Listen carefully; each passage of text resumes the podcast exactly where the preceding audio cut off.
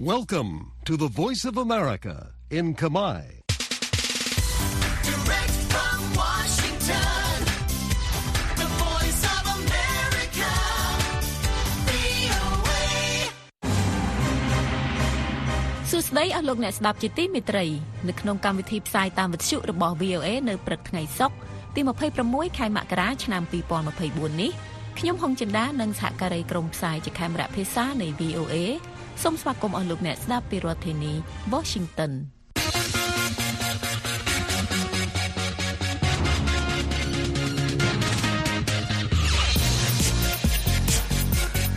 នៅក្នុងការផ្សាយរបស់ VOA នៅព្រឹកនេះយើងខ្ញុំមានសេចក្តីរាយការណ៍អំពីសមត្ថកិច្ចកម្ពុជា ចាប់បានគ្រឿងញៀនជាង1តោនកន្លះដែលក្រុងនឹងដឹកទៅកោះតៃវ៉ាន់តាមដែនទឹកតឡាការឃុំខ្លួនបុគ្គលដែលលោកព្រៀបកុលដែលជារដ្ឋមន្ត្រីប្រតិភូអមនាយករដ្ឋមន្ត្រីប្តឹង ការប្រឹងប្រែងរបស់ចិនក្នុងការតេទៀងការវិនិយោគបរទេសនៅកិច្ចប្រជុំដាវូទំនងជាមិនបានជោគជ័យនិងសេចក្តីរាយការណ៍អំពីអ៊ីស្រាអែលស្វាស្វែងពង្រឹងទំនាក់ទំនងជាមួយកម្ពុជា ក្នុងវិស័យកសិកម្មខណៈសង្គ្រាមបន្តអូសបន្លាយ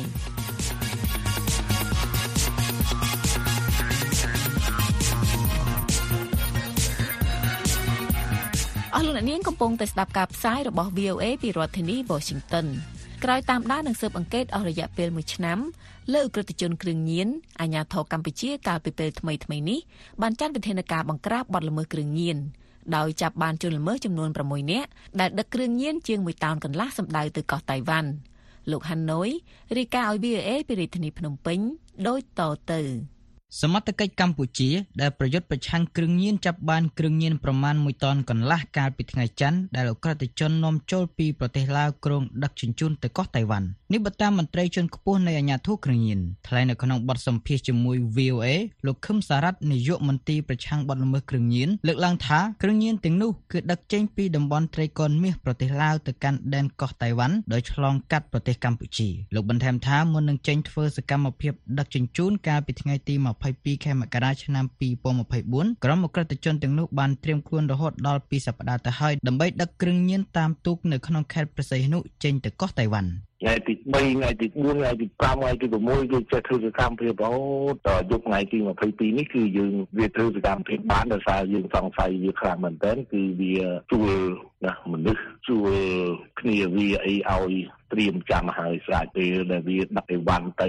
លំហសមុទ្របានន័យថាទៅលំហសមុទ្រអន្តរជាតិដើម្បីផ្ទេរគឺយើងដឹងចាំវាពីតនគឺយើងតាក់ចាប់ជាមួយនឹង រយៈព្រំដែនទឹកជាមួយនឹងស្នងការឯកសិននោះបានជោគជ័យតែម្ដងលោកខឹមសារ៉ាត់បន្ថែមថាមកទល់ពេលនេះសមត្ថកិច្ចចាប់អ ுக ្រិតជនបានចំនួន6នាក់ជាជនបរទេសខណៈកំពុងតែស្វែងរកមេខ្លោងមួយនាក់ទៀតដើម្បីកសាងសំណុំរឿងបញ្ជូនទៅតុលាការខេត្តព្រះសីហនុបើតាមមន្ត្រីជាន់ខ្ពស់រូបនោះសមត្ថកិច្ចបានតាមដាននិងស៊ើបអង្កេតករណីនេះអស់រយៈពេល1ឆ្នាំមកហើយ VOA មិនទាន់អាចសុំការអធិប្បាយពីអ្នកនាំពាក្យសាលាដំបងខេត្តព្រះសីហនុលោកថុចបញ្ចសន្តិភាពបាននៅឡើយទេបើតាមការបង្ហោះនៅលើទំព័រ Facebook របស់មន្ទីរប្រឆាំងគ្រឿងញៀនអាជ្ញាធរបានស្រាវជ្រាវស៊ើបអង្កេតឃ្លាំមើលមុខសញ្ញាដឹកជញ្ជូនគ្រឿងញៀនឆ្លងដែនពីប្រទេសឡាវឆ្លងកាត់កម្ពុជាតាមផ្លូវគោករួចដឹកចេញតាមផ្លូវសមុទ្រទៅដែនកោះតៃវ៉ាន់នៅទីតាំង3ផ្សេងផ្សេងៗគ្នា ទី1កំពង់ផែកំពែងស្ទឹងហាវស្រុកស្ទឹងហាវខេត្តព្រះសីហនុទី2ផ្ទះជួលគ្មានលេខផ្លូវទំនប់រលកភូមិ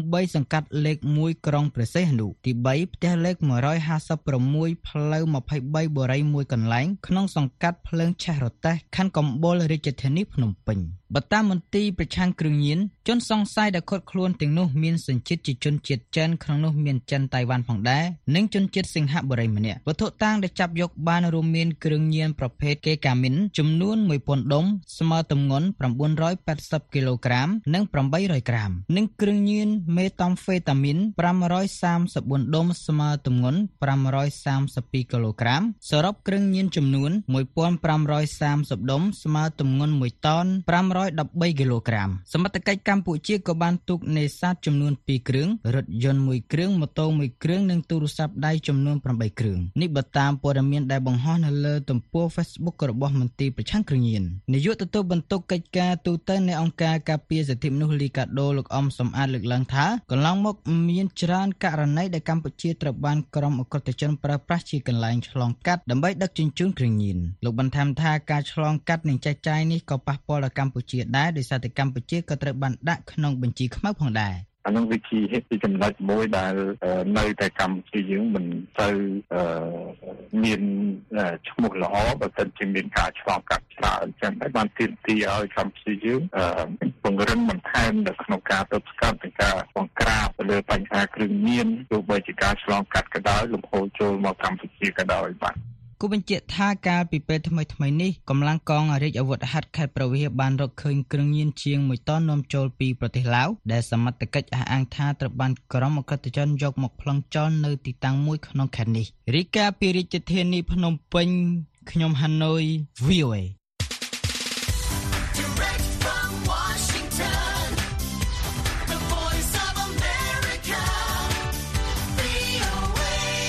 កាលពីថ្ងៃពុធតុលាការបានបញ្ជាឲ្យសមត្ថកិច្ចនាំខ្លួនបុគ្គលម្នាក់ឈ្មោះយ៉ុងប៉ាក់អគ្គនាយកប្រតិបត្តិរបស់ក្រុមហ៊ុនមួយឈ្មោះថា Agribi កម្ពុជាដាក់ពន្ធនាគារបណ្ដោះអាសន្នពីបទញុះញង់ឲ្យមានការរើសអើងនិងបរិហាកេរ្តិ៍ជាសាធារណៈបុគ្គលនោះត្រូវបានប្តឹងដោយលោកព្រៀបកុលដែលជារដ្ឋមន្ត្រីប្រតិភូអមនាយករដ្ឋមន្ត្រីជុំវិញការបង្ហោះព័ត៌មានចោទប្រកាន់ថាលោកកັບកេងប្រាក់ជាង80លានដុល្លារក្នុងគម្រោងវិនិយោគអចលនទ្រព្យរបស់ក្រុមហ៊ុនមួយ កញ្ញាមាសដារាយការណ៍លម្អិតឲ្យ VOA ពីរាជធានីភ្នំពេញដូចតទៅលោកយ៉ុងប៉ាក់អគ្គនាយកប្រតិបត្តិរបស់ក្រុមហ៊ុនមួយឈ្មោះ Agribi Cambodia ត្រូវបានចៅក្រមស៊ើបសួរនៃសាលាដំបងរាជធានីភ្នំពេញសម្រេចឃុំខ្លួនក្នុងពន្ធនាគារបណ្ដោះអាសន្នពាក់ព័ន្ធជាមួយនឹងបទញុះញង់ឲ្យមានការរើសអើងនិងបរិហាកេរ្តិ៍ជាសាធារណៈ ដែលប្តឹងដោយលោកព្រៀបកុលរដ្ឋមន្ត្រីប្រតិភូអមនាយករដ្ឋមន្ត្រីនេះបតាមអ្នកនាំពាក្យរបស់សាលាដំបងរាជធានីភ្នំពេញលោកអ៊ីរ៉ានអ្នកនាំពាក្យរបស់តុលាការប្រាប់ VOA នៅថ្ងៃប្រហ័សនេះថាជនត្រូវចោទឈ្មោះយ៉ុងប៉ាក់ត្រូវបានចោទពីបទញុះញង់ឲ្យមានការរើសអើងនិងបរិហាកេរ្តិ៍ជាសាធារណៈប្រព្រឹត្តនៅចំណុចរាជធានីភ្នំពេញក្នុងខែមករាឆ្នាំ2024បទល្មើសមានបញ្ញត្តិឲ្យផ្តន្ទាទោសតាមមាត្រា305មាត្រា494និងមាត្រា496នៃក្រមព្រហ្មទណ្ឌលោកបន្តថាក្រោយការសាកសួរនិងពិនិត្យផុសតាងចៅក្រមស៊ើបសួរនៃសាលាដំបងរាជធានីភ្នំពេញបានសម្រេចឃុំខ្លួនបណ្ដោះអាសន្ននៅមណ្ឌលអប់រំកែប្រែទី1ដើម្បីបន្តចំណាត់ការស៊ើបសួរតាមនីតិវិធីច្បាប់ កាលពីថ្ងៃទី19ខែមករាឆ្នាំ2024អាយកាអមសាលាដំបងរាជធានីភ្នំពេញបានចេញដីកាបញ្ជាឲ្យនាំខ្លួនបុគ្គលឈ្មោះយ៉ុងប៉ាក់អគ្គនាយកប្រតិបត្តិរបស់ក្រុមហ៊ុន Agribi Cambodia មកបង្ហាញខ្លួននៅការិយាល័យប្រឆាំងបទល្មើសបច្ចេកវិទ្យានៃស្នងការដ្ឋាននគរបាលរាជធានីភ្នំពេញឲ្យបានមុនថ្ងៃទី5ខែកុម្ភៈឆ្នាំ2024ដើម្បីសាកសួរអំពីដំណើររឿងញុះញង់ឲ្យមានការរើសអើងនិងបរិហាកេរ្តិ៍ជាសាធារណៈដែលប្តឹងដោយលោកព្រៀបកុលលោកសំវិជ្ជការអ្នកនាំពាក្យស្នងការរាជធានីភ្នំពេញប្រាប់ VOA កាលពីថ្ងៃពុធថាលោកយ៉ុងប៉ាក់ដែលសមត្ថកិច្ចអះអាងថាដែលបានប្រើប្រាស់គណនី Facebook ឈ្មោះជីវ៉ាន់ប៉ែនត្រូវបានឃាត់ខ្លួនកាលពីថ្ងៃទី22ខែមករាតាមពាក្យបណ្ដឹងរបស់លោកព្រៀបកុលគណនី Facebook ឈ្មោះជីវ៉ាន់ប៉ែនកាលពីថ្ងៃទី15ខែមករាឆ្នាំ2024បានបង្ហោះសារអមដោយរូបភាពរបស់លោកព្រៀបកុលថាលោកព្រៀបកុលត្រូវបានគេសង្ស័យជាប់ពាក់ព័ន្ធនឹងការកើបកេងលុយជាង80លានដុល្លារនៅក្នុងគម្រោងវិនិយោគអចលនទ្រព្យរបស់ក្រុមហ៊ុន CIC ដែលធ្វើឲ្យអ្នកវិនិយោគប្រមាណ546នាក់បាត់បង់ទ្រព្យធនលុយកាក់នៅក្នុងការវិនិយោគក្នុងក្រុមហ៊ុននេះ បន្ទាប់ពីមានការបង្ហោះខ្លឹមសារបែបនេះរួចនៅថ្ងៃទី16ខែមករាឆ្នាំ2024មេធាវីរបស់លោកព្រៀបកុលគឺលោកសារ៉េតសារ៉េនឌីបានចេញលិខិតជូនដំណឹងទៅម្ចាស់គណនី Facebook ឈ្មោះជីវ៉ាន់ប៉ែនឲ្យលុបសំណេរខ្លឹមសារនិងរូបភាពដែលបានបង្ហោះកាលពីថ្ងៃទី15ខែមករាឆ្នាំ2024ចេញមេធាវីចាត់ទុកថាការបង្ហោះនោះមានលក្ខណៈបរិហាកេរ្តិ៍និងញុះញង់ប៉ុន្តែជាក់ស្ដែងខ្លឹមសារនិងរូបភាពទាំងអស់នោះមិនត្រូវបានម្ចាស់គណនី Facebook ឈ្មោះថាជីវ៉ាន់ប៉ែនលុបនោះឡើយ ក្រោយមកទៀតកាលពីថ្ងៃទី23ក្រុមហ៊ុន CIC ក៏បានចេញលិខិតបំភ្លឺមួយច្បាប់ដែលបានបញ្ជាក់ថាលោកព្រៀបកុលមិនបានជាប់ពាក់ព័ន្ធនឹងការកើបកេងប្រាក់ជាង80លានដុល្លារពីស្ថាប័នរបស់ខ្លួនឡើយនិងថាលោកក៏ពុំធ្លាប់មានទួនាទីនៅក្នុងរចនាសម្ព័ន្ធរបស់ក្រុមហ៊ុន CIC ដែរលោកព្រៀបកុលអតីតនាយកប្រតិបត្តិនៃអង្គការដំឡាភិបកម្ពុជាហើយបច្ចុប្បន្នជារដ្ឋមន្ត្រីប្រតិភូអមនាយករដ្ឋមន្ត្រីបានបញ្ជាក់ប្រាប់ VOA នៅថ្ងៃប្រហ័សនេះថាម្ចាស់គណនី Facebook ជីវ៉ាន់ប៉ែនគឺជារបស់លោកយ៉ុងប៉ាក់លោកថាបុគ្គលនោះបានចាប់ប្រកាន់រូបលោកដោយគ្មានភស្តុតាងច្បាស់លាស់ហើយវាប៉ះពាល់យ៉ាងធ្ងន់ធ្ងរដល់កេរ្តិ៍ឈ្មោះរបស់លោកដោយសារតែការឆ្នោតប្រកាន់ដោយគ្មានបោះតាងហើយដោយគ្មានអំណាចអំណាងអីនេះវា ធ្វើឲ្យប៉ះពាល់ធ្ងន់ធ្ងរដល់គេឈ្មោះរបស់ខ្ញុំហើយ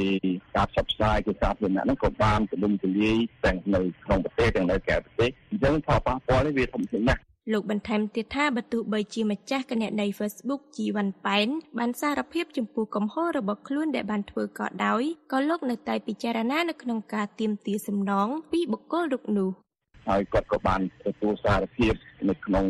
នីតិវិធីតុលាការហើយដែរហើយអឺខ្ញុំនឹងពិភាក្សាអឺពិចារណាមើលថាតើតើគាត់ត្រូវតែ អឺទទួលទោសផ្សងយ៉ាងម៉េចខ្ញុំត្រូវទៀមទាអីខ្ញុំនឹងខិនខ្លាយក្រោយតែឥឡូវនេះខ្ញុំអត់ទាន់អាចអឺបញ្ជាក់ជូនបាននៅពេលនេះទេបាទនៅថ្ងៃប្រហ័សនេះលោកព្រៀបកុលក៏បានបង្ហោះសារជាអក្សរលើទំព័រ Facebook របស់ខ្លួនថាសម្រាប់ខ្ញុំគឺគ្មានជំរឿអ្វីក្រៅពីប្តឹងទៅតុលាការដើម្បីឲ្យជននេះទទួលខុសត្រូវចំពោះមុខច្បាប់នោះឡើយប្រទេសមានច្បាប់បើមិនអនុវត្តច្បាប់ទេសង្គមនឹងមានភាពអនាធបត័យជាមិនខានហើយជនទុច្ចរិតនៅតែបន្តដើរបង្ខូចកេរ្តិ៍ឈ្មោះគេតាមទំនឹងចិត្តហើយលោកឲ្យដឹងទៀតថាប្រធានគណៈកម្មការនៃស្ថាប័ន CIC បានបញ្ជាក់ក្នុងលិខិតជាផ្លូវការហើយថាលោកពុំមានជាប់ពាក់ព័ន្ធនៅក្នុងការចាត់ប្រកាន់ថាបានកាប់កេងលុយពីស្ថាប័ននោះឡើយលោកម៉ាក់ចម្រើន ប្រធានក្រុមប្រឹក្សាភិបាលនៃក្រុមហ៊ុន Agribi Cambodia ប្រាប់ VOA ថាការប្តឹងផ្តល់នេះជារឿងបុគ្គលផ្ទាល់ខ្លួន តែប៉ុណ្ណោះមិនមានអ្វីជាប់ពាក់ព័ន្ធនឹងក្រុមហ៊ុនឡើយ អឺមកនេះរឿង personal សពអត់មានពាក់ព័ន្ធនឹងក្រុមហ៊ុនទេក្រុមហ៊ុនអត់មាន background ណាជាទូទៅដោយជាបុគ្គលនឹងគឺជាអឺបុគ្គលដែលមាននៅក្នុងស្ថាប័នអាហ្នឹងវាធម្មតាវាជាអត្តពលអាក្រក់ដល់ស្ថាប័នខ្ញុំខ្លះដែរបើតាមលោកព្រៀបកលដែលជាដើមមិនដឹងរហូតមកដល់ពេលនេះម្ចាស់ account ជីវ៉ាន់ប៉ែនបានសារភាពកំហុសនិងស្នើសុំការអភ័យទោសពីលោកប៉ុន្តែលោកថាទុកឲ្យតុលាការជាអ្នកសម្រេចចំពោះរឿងក្តីនេះ រីកាពីរាជធានីភ្នំពេញ នាងខ្ញុំមាសដា VOA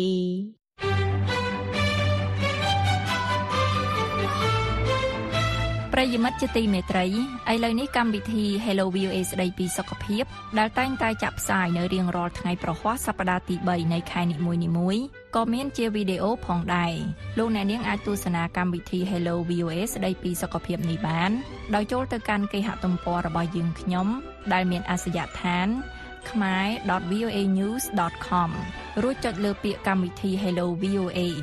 នោះលោកអ្នកនឹងចូលទៅដល់ទំព័រមួយទៀតដែលមានកម្មវិធី Hello VOA សុខភាពហើយលោកអ្នកនាងអាចទស្សនាវីដេអូមួយណាក៏បាន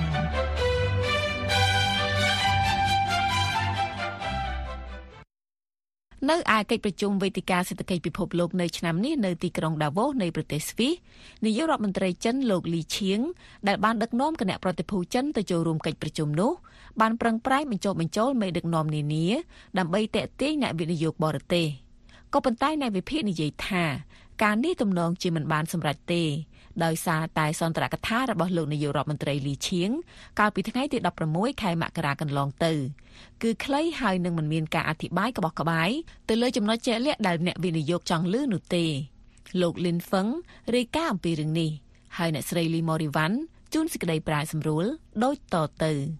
ប្រទេសចិនបានដឹកនាំគណៈប្រតិភូដ៏ធំមួយទៅចូលរួមកិច្ចប្រជុំវេទិកាសេដ្ឋកិច្ចពិភពលោកនៅឆ្នាំនេះនៅទីក្រុង Davos នៃប្រទេសស្វីស ដើម្បីព្យាយាមបញ្ចុះបញ្ចូលពិភពលោកថាប្រទេសដែលមានសេដ្ឋកិច្ចធំបំផុតទី2របស់ពិភពលោក នៅតែបើកចំហសម្រាប់អាជីវកម្មនិងជាកន្លែងដែលអាចទុកចិត្តបានក្នុងការវិនិយោគក៏ប៉ុន្តែអ្នកវិភាគនិយាយថាសន្ទរកថារបស់លោកនាយករដ្ឋមន្ត្រីលីឈៀងកាលពីថ្ងៃទី16ខែមករានោះគឺខ្លី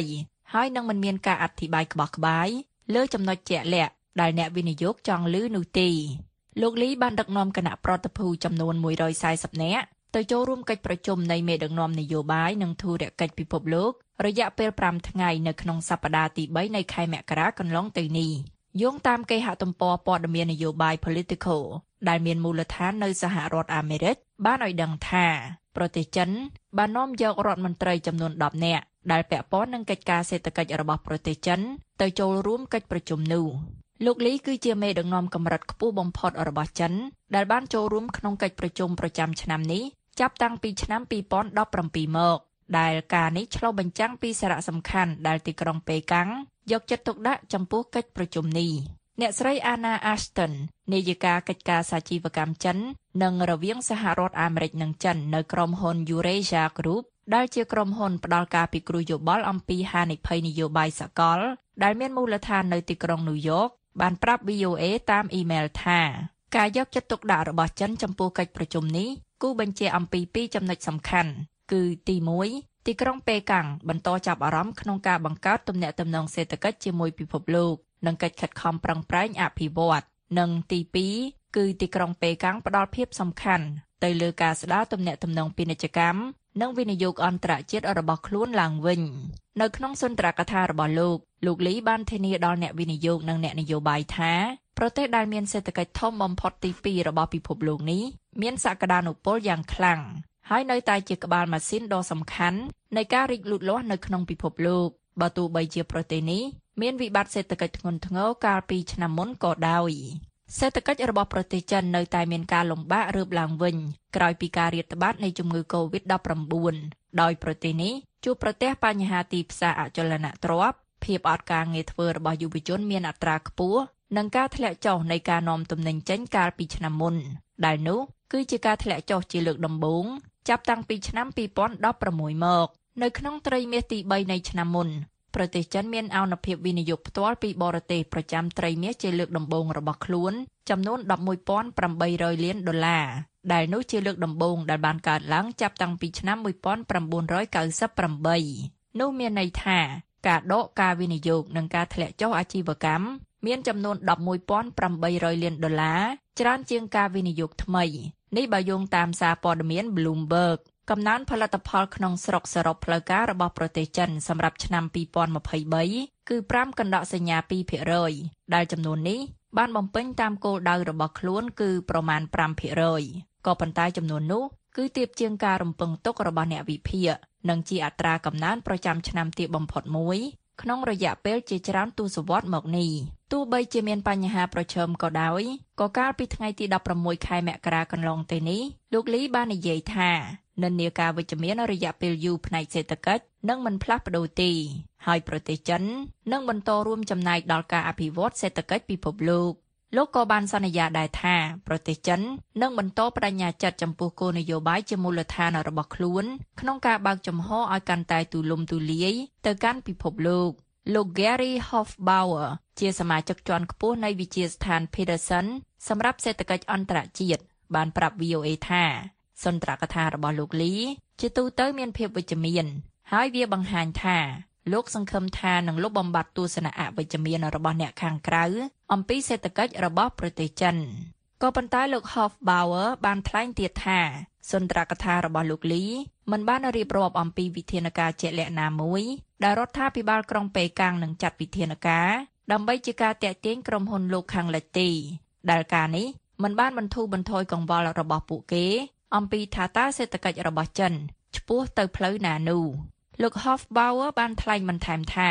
ខ្ញុំគិតថាសហគមន៍ធុរកិច្ចជាពិសេសក្រុមហ៊ុនដែលមានប្រតិបត្តិការធំៗនៅក្នុងប្រទេសចិននឹងមានអារម្មណ៍ថាត្រូវបង្ហាញឲ្យខ្ញុំឃើញ ពីព្រោះចិន អាចប្រើបទបញ្ញត្តិនិងការរឹតបន្តឹងគ្រប់ប្រភេទដែលរារាំងដល់លទ្ធភាពធ្វើអាជីវកម្មយកកម្មសិទ្ធិបញ្ញា ហើយបង្កើតបរិយាកាសដែលមិនមានភាពងាយស្រួលបាន លោក Hofbauer បានបន្តថាដូច្នេះសន្ទរកថានេះមិនមានអ្វីដែលខ្ញុំហៅថាវិធានការជាក់ច្បាស់ដែលអាចតេទៀងដល់សហគមន៍អាជីវកម្មនោះទេដូច្នេះពួកគេនឹងកាន់តែមានមន្ទិលសង្ស័យក្រុមម្ចាស់ពាណិជ្ជកម្មមួយចំនួននិយាយថាការឃ្លាតចាកឆ្ងាយពីការវិនិយោគនៅក្នុងសេដ្ឋកិច្ចរបស់ប្រទេសចិនកើតឡើងដោយសារតែការរឹតបន្តឹងលើការគ្រប់គ្រងផ្នែកនយោបាយរួមទាំងការវាយឆ្មក់លើក្រុមហ៊ុន និងការហាមប្រាមមិនឲ្យនាយកប្រតិបត្តិបរទេសចាកចេញពីប្រទេសចិនជាដើមការស្ទង់មតិកាលពីខែវិច្ឆិកាឆ្នាំ2023ដោយក្រុមប្រឹក្សាសន្និសិទដែលជាសមាជិកភាពអាជីវកម្មមនរកប្រាក់ចំណេញដែលមានមូលដ្ឋាននៅសហរដ្ឋអាមេរិកនិងជាក្រុមស្រាវជ្រាវបានបង្ហាញថានាយកប្រតិបត្តិនៃក្រុមហ៊ុនពហុជាតិដែលមានប្រតិបត្តិការនៅក្នុងប្រទេសចិនកំពុងបាត់បង់ទំនុកចិត្តយ៉ាងឆាប់រហ័សនៅក្នុងប្រទេសចិន ការស្ទង់មតិអំពីសន្ទុះទំនុកចិត្តបានធ្លាក់ចុះដល់លេខ54នៅលើមាត្រដ្ឋានពី0ដល់100ដែលលេខនេះគឺធ្លាក់ចុះពីកម្រិតខ្ពស់បំផុត គឺលេខ72កាលពីខែមេសាឆ្នាំមុន40%នៃនាយកប្រតិបត្តិដែលត្រូវបានស្ទង់មតិក៏រំពឹងដែរថាការវិនិយោគនៅក្នុងប្រទេសចិននឹងថយចុះហើយដោយដែលមនុស្សជាច្រើនរំពឹងនោះគឺថានឹងមានការបញ្ឈប់បុគ្គលិកក្នុងរយៈពេល6ខែខាងមុខ ដោយធៀបទៅនឹងឈមមាសទី1នៃឆ្នាំមុន ការបញ្ឈប់បុគ្គលិកគឺមានត្រឹមតែ9%ប៉ុណ្ណោះសភាពាណិជ្ជកម្មជប៉ុនក្នុងប្រទេសចិនកាលពីថ្ងៃទី15ខែមករាបានចេញផ្សាយតួលេខដែលបង្ហាញថា48%នៃក្រុមហ៊ុនដែលត្រូវបានស្ទង់មតិបាននិយាយថាពួកគេមិនបានវិនិយោគនៅក្នុងប្រទេសចិនឬកាត់បន្ថយការវិនិយោគរបស់ពួកគេក្នុងឆ្នាំ2023ទេបើប្រៀបធៀបទៅនឹងឆ្នាំ2022 ទីភ្នាក់ងារសារព័ត៌មាន Reuters បានឲ្យដឹងថាលោកលីបាននិយាយនៅក្នុងពិធីបរិភោគអាហារថ្ងៃត្រង់មួយ បន្ទាប់ពីការថ្លែងសុន្ទរកថារបស់លោកកាលពីថ្ងៃទី16ខែមករាថាយើងនឹងចាត់វិធានការយ៉ាងសកម្មដើម្បីដោះស្រាយការព្រួយបារម្ភដល់សមហេតុផលរបស់សហគមន៍អាជីវកម្មពិភពលោកក្នុងគ្រាដែលលោកលីកំពុងប្រាប់ពិភពលោកថាទ្វាររបស់ចិននឹងបើកចំហកាន់តែទូលំទូលាយនោះប្រធានាធិបតីចិនលោកស៊ីជីនពីង បានផ្ញើសារផ្សេងដែលសង្កត់ធ្ងន់ទៅលើគោលការណ៍ចម្បងរបស់បកកុម្មុយនីសចិននៅក្នុងសន្ទរកថាកាលពីថ្ងៃទី16ខែមករាលោកស៊ីបានលើកឡើងជាថ្មីថាប្រទេសចិនគួរតែជំរុញការអភិវឌ្ឍសេដ្ឋកិច្ចតាមបែបលក្ខណៈរបស់ចិនដែលខុសពីគំរូផ្នែកហិរញ្ញវត្ថុរបស់លោកខាងលិចដោយប្រកាន់ខ្ជាប់នៅការដឹកនាំបែបមជ្ឈិមនិងឯកភាពរបស់បកលើការងារសេដ្ឋកិច្ចអ្នកស្រី Anna Ashton នៃក្រុមហ៊ុន Eurasia Group បាននិយាយថា អាជីវកម្មរីកលូតលាស់អាស្រ័យទៅលើភាពអាចទស្សន៍ទាយជាមុនបាន និងស្ថិរភាពអ្នកស្រី Ashton និយាយថាសារៈសំខាន់នៃពាក្យសម្ដីរបស់លោកលីនឹងត្រូវបានវាយតម្លៃយ៉ាងល្អបំផុត តាមរយៈសកម្មភាពដោយការសន្យា សកម្មភាពរបស់ប្រទេសចិនផ្ទាល់មានហើយនឹងបន្តជាកត្តាចូលទៅក្នុងបរិយាកាសភូមិសាស្ត្រនយោបាយដ៏ច្របូកច្របល់ដែលលោកលីបានរៀបរាប់នោះអតិភិបផ្សេងគ្នា ផលប្រយោជន៍និងការបដិញ្ញាចិត្ត มันអាចគ្រាន់តែត្រឹមជាការចង់បាននោះទេហើយការសហការគ្នាឲ្យមានប្រសិទ្ធភាពដើម្បីដោះស្រាយគឺស្រួលនិយាយប៉ុន្តែពិបាកសម្រេចឲ្យបាន នៅប៉ុន្មានថ្ងៃមុនកិច្ចប្រជុំប្រចាំឆ្នាំរបស់ខ្លួននៅទីក្រុង Davos វេទិកាសេដ្ឋកិច្ចពិភពលោកបានចេញផ្សាយការស្ទង់មតិរបស់អ្នកសេដ្ឋកិច្ចដែលបានបង្ហាញថាគ្មាននរណាម្នាក់ក្នុងចំណោមពួកគេ រំពឹងលើសពីកំណើនសេដ្ឋកិច្ចមធ្យមនៅក្នុងសេដ្ឋកិច្ចរបស់ប្រទេសចិន នៅឆ្នាំនេះទេ ពីរដ្ឋធានី Washington ខ្ញុំលីម៉ូរីវ៉ាន់ VOA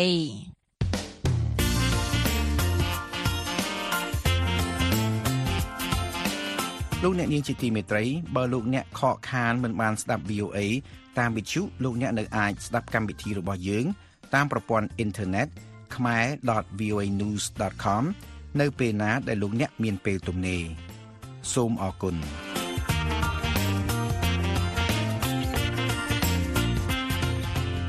មន្ត្រីការទូតជាន់ខ្ពស់របស់អ៊ីស្រាអែលបានមកបំពេញទស្សនកិច្ចនៅប្រទេសកម្ពុជានៅក្នុងសប្តាហ៍នេះហើយបានអះអាងថាខ្លួនកំពុងស្វាស្វែងពង្រឹងទំនាក់ទំនងជាមួយកម្ពុជាបន្ថែមទៀតដែលក្នុងនោះក៏រួមមានការបញ្ជូនពលករខ្មែរទៅធ្វើការនៅប្រទេសអ៊ីស្រាអែលក្នុងផ្នែកកសិកម្មផងដែរលោកសឹមច័ន្ទសំណាងរាយការណ៍លម្អិតឲ្យ VOA ពីរាជធានីភ្នំពេញដូចតទៅ មន្ត្រីការទូតជាន់ខ្ពស់របស់អ៊ីស្រាអែលដែលកំពុងបំពេញទស្សនកិច្ចនៅក្នុងប្រទេសកម្ពុជាបានអះអាងថាខ្លួនកំពុងស្វាស្វែងពង្រឹងទំនាក់ទំនងជាមួយកម្ពុជាបន្ថែមទៀតក្នុងនោះមានការបញ្ជូនពលករខ្មែរទៅធ្វើការនៅប្រទេសអ៊ីស្រាអែលក្នុងផ្នែកកសិកម្មការបំពេញទស្សនកិច្ចនៅប្រទេសកម្ពុជារបស់មន្ត្រីការទូតជាន់ខ្ពស់ធ្វើឡើងនៅពេលដែលសង្គ្រាមរបស់អ៊ីស្រាអែលនិងក្រុមហាម៉ាស់នៅតែបន្តដែលមានរយៈពេលជាង3ខែមកហើយ ពលគឺចាប់ពីថ្ងៃទី7ខែតុលាឆ្នាំ2023ដែលមានមនុស្សរាប់ម៉ឺននាក់បានស្លាប់នៅក្នុងបទសម្ភាសន៍ជាមួយ VOA កាលពីពេលថ្មីៗនេះអ្នកស្រីអូណាហ្សាហ្គីវឯកអគ្គរដ្ឋទូតអ៊ីស្រាអែលប្រចាំកម្ពុជានិងថៃដែលបានមកបំពេញទស្សនកិច្ចនៅកម្ពុជានាសប្តាហ៍នេះថ្លែងថាក្រៅពីការបញ្ជូននិស្សិតកម្ពុជាទៅចុះកម្មសិក្សានៅប្រទេសអ៊ីស្រាអែលផ្នែកកសិកម្មអ៊ីស្រាអែលកំពុងពិភាក្សាជាមួយភាគីកម្ពុជាអំពីការចុះអនុសារណៈយោគយល់គ្នា ឬហៅថា MOU ក្នុងការបញ្ជូនពលករខ្មែរទៅធ្វើការផ្នែកកសិកម្មនៅប្រទេសអ៊ីស្រាអែលអ្នកស្រីថ្លែងជាភាសាអង់គ្លេសនិងត្រូវបានប្រែសម្រួលជាភាសាខ្មែរថា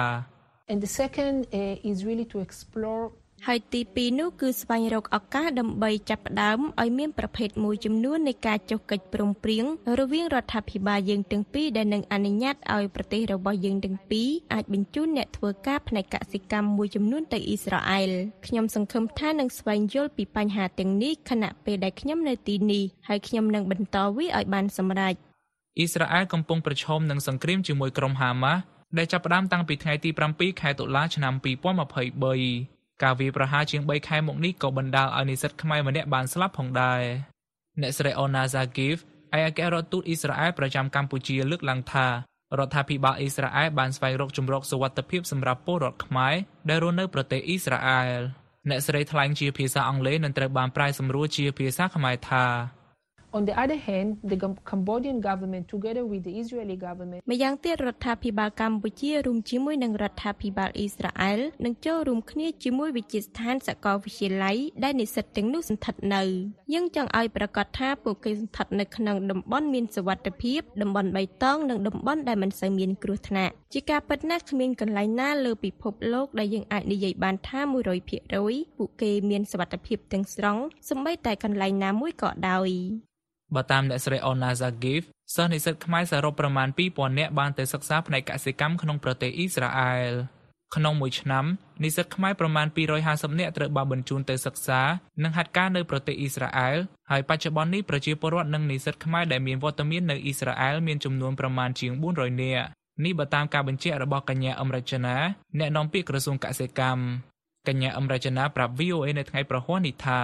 ជំនួបរវាងអ្នកស្រីឯកអគ្គរដ្ឋទូតអ៊ីស្រាអែល និងរដ្ឋមន្ត្រីក្រសួងកសិកម្មបានពិភាក្សាទៅលើកម្មវិធីអភិវឌ្ឍធនធានមនុស្សតាមរយៈកម្មវិធីហាត់ការនៅអ៊ីស្រាអែលដែលពង្រឹងសមត្ថភាពជំនាញកសិកម្មរបស់និស្សិតកម្ពុជាកញ្ញាបន្តថាការបញ្ជូនសិស្សនិស្សិតកម្ពុជាផ្នែកកសិកម្មទៅសិក្សាឬហាត់ការនៅប្រទេសអ៊ីស្រាអែលតែងតែមានជារៀងរាល់ឆ្នាំប៉ុន្តែកញ្ញាបញ្ជាក់ថាមិនទាន់ដឹងពីចំនួននិស្សិតដែលនឹងត្រូវបញ្ជូនទៅនោះទេយ៉ាងណាមិញ កញ្ញាបានអរគុណដល់រដ្ឋាភិបាលអ៊ីស្រាអែលដែលបានយកចិត្តទុកដាក់ចំពោះសុវត្ថិភាពនិស្សិតខ្មែរដែលកំពុងស្នាក់នៅទីនោះប៉ុន្តែនៅក្នុងខណៈពេលនេះនៅពេលដែលអ៊ីស្រាអែលកំពុងតែអឺមានសង្គ្រាមប្រដាប់អាវុធជាមួយនឹងក្រុមហាម៉ាស់កម្ពុជាក៏ផ្ដោតក្នុងចិត្តនៅពេលដែលលោកជំទាវទូតអ៊ីស្រាអែលលោកបានផ្ដល់ការធានាថានឹងមើលថែហើយនឹងការពារសន្តិសុខអឺសុវត្ថិភាពរបស់ និស្សិតខ្មែរយើងដែលកំពុងតែសិក្សាហើយនឹងហាត់ការនៅប្រទេសអ៊ីស្រាអែលនោះចា៎លោកកតាអនអ្នកនាំពាក្យក្រសួងការងារនិងបណ្ដុំបណ្ដាវិជ្ជាជីវៈប្រាប់ VOA នៅថ្ងៃប្រហ័ននេះថាអ្នកស្រីឯកអគ្គរដ្ឋទូតអ៊ីស្រាអែលបានពិភាក្សាជាមួយលោកហេងសួររដ្ឋមន្ត្រីក្រសួងការងារជុំវិញបញ្ហានានាលើវិស័យការងារដែលស្វែងយល់អំពីការបញ្ជូនពលករកម្ពុជាទៅធ្វើការនៅប្រទេសកូរ៉េនិងជប៉ុនជាដើម លោកបន្តថាកម្ពុជានិងអ៊ីស្រាអែលអាចនឹងបង្កើតកិច្ចសហប្រតិបត្តិការប្រកបដោយផ្លែផ្កានាពេលខាងមុខសូមជម្រាបថាក្នុងកំឡុងពេលវិភាសានោះដែរអាយដាមហេងសួរក៏បានលើកអំពីបទពិសោធន៍ដែលកម្ពុជាបានធ្វើទំនាក់ទំនងនឹងកិច្ចសហប្រតិបត្តិការការងារជាមួយបណ្ដាប្រទេសកូរ៉េនិងជប៉ុនហើយគិតមកដល់ពេលនេះ សម្រាប់ប្រទេសអ៊ីស្រាអែលប្រជាអ្នកចាក់កម្ពុជាយើងមិនបានបញ្ជូនពលករណាមួយទៅធ្វើការនៅប្រទេសអ៊ីស្រាអែលទេក្រៅពីនិស្សិតកម្ពុជាដែលកំពុងសិក្សានិងធ្វើកម្មសិក្សាលើវិស័យកសិកម្មនៅទីនោះអ្នកស្រីអូណាហ្សាហ្គីវឯកអគ្គរដ្ឋទូតអ៊ីស្រាអែលប្រចាំកម្ពុជាក៏បានថ្លែងថាអ្នកស្រីមិនដឹងថាសង្គ្រាមនឹងបញ្ចប់នៅពេលណានោះទេហើយប្រសិនបើវាមិនទាន់បញ្ចប់ក្នុងពេលឆាប់ៗខាងមុខវានឹងប៉ះពាល់ដល់គម្រោងនៃការបញ្ជូននិស្សិតកម្ពុជាទៅសិក្សាក្នុងប្រទេសអ៊ីស្រាអែល រីកាប្រជាធានីភ្នំពេញខ្ញុំសំច័ន្ទសំណាង VOA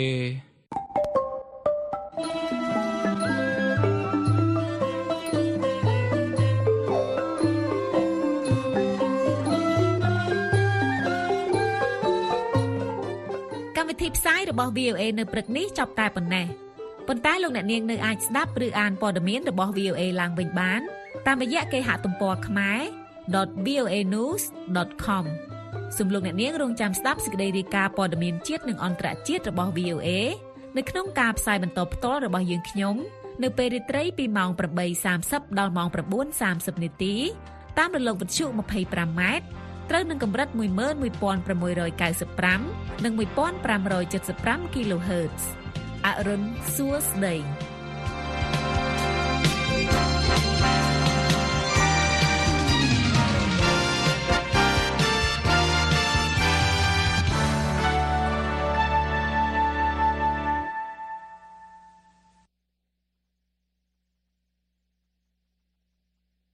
This program has come to you from the Voice of America, Washington.